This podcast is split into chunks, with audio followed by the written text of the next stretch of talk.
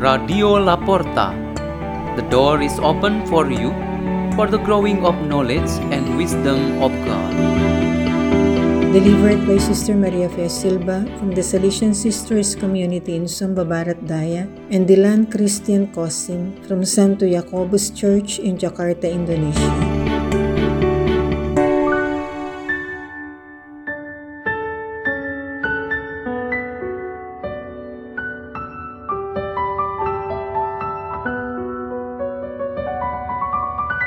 Reading and meditation on the Word of God on Friday of the 33rd week in Ordinary Time, November 19, 2021.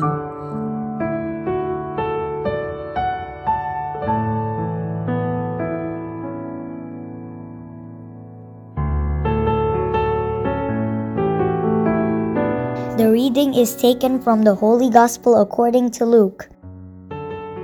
Jesus entered the temple area and proceeded to drive out those who were selling things, saying to them, It is written, My house shall be a house of prayer, but you have made it a den of thieves. And every day he was teaching in the temple area. The chief priests, the scribes, and the leaders of the people, meanwhile, were seeking to put him to death but they could find no way to accomplish their purpose because all the people were hanging on his words. The Gospel of the Lord.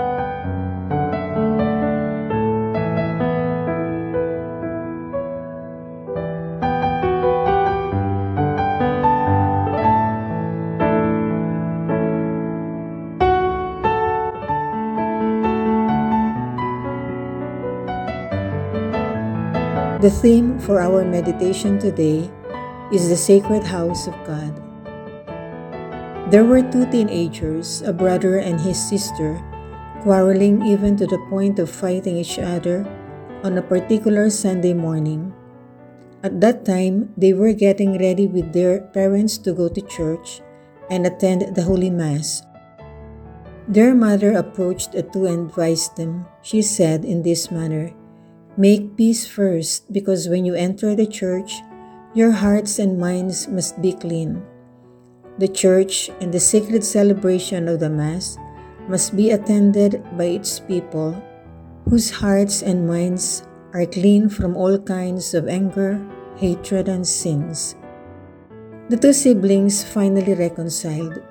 They removed all anger against each other and were able to attend the Mass that Sunday morning well and happily.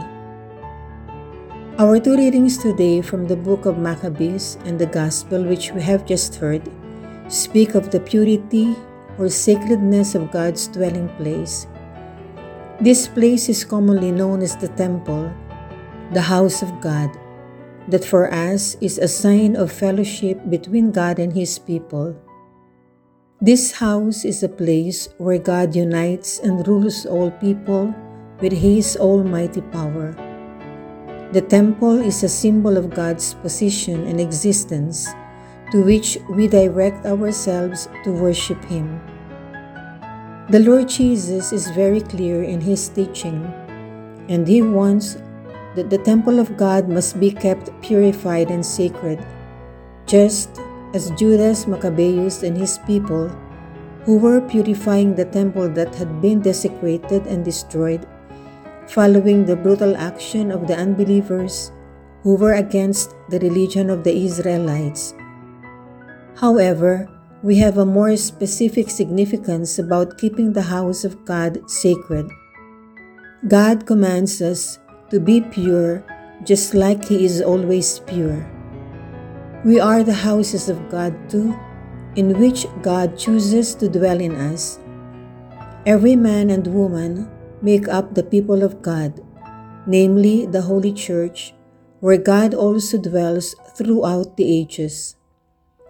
Jesus also purifies this church by bathing her in the water flowing from the power of His Word, that it becomes a glorious and holy church the mother for all of us.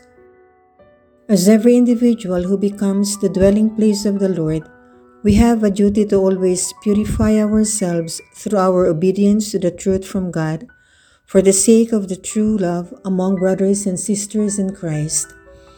This is the form of the pure spring that comes from God, and in faith we use it to cleanse ourselves from sins and evils. The fountain of justification takes the form of our baptism into Christ.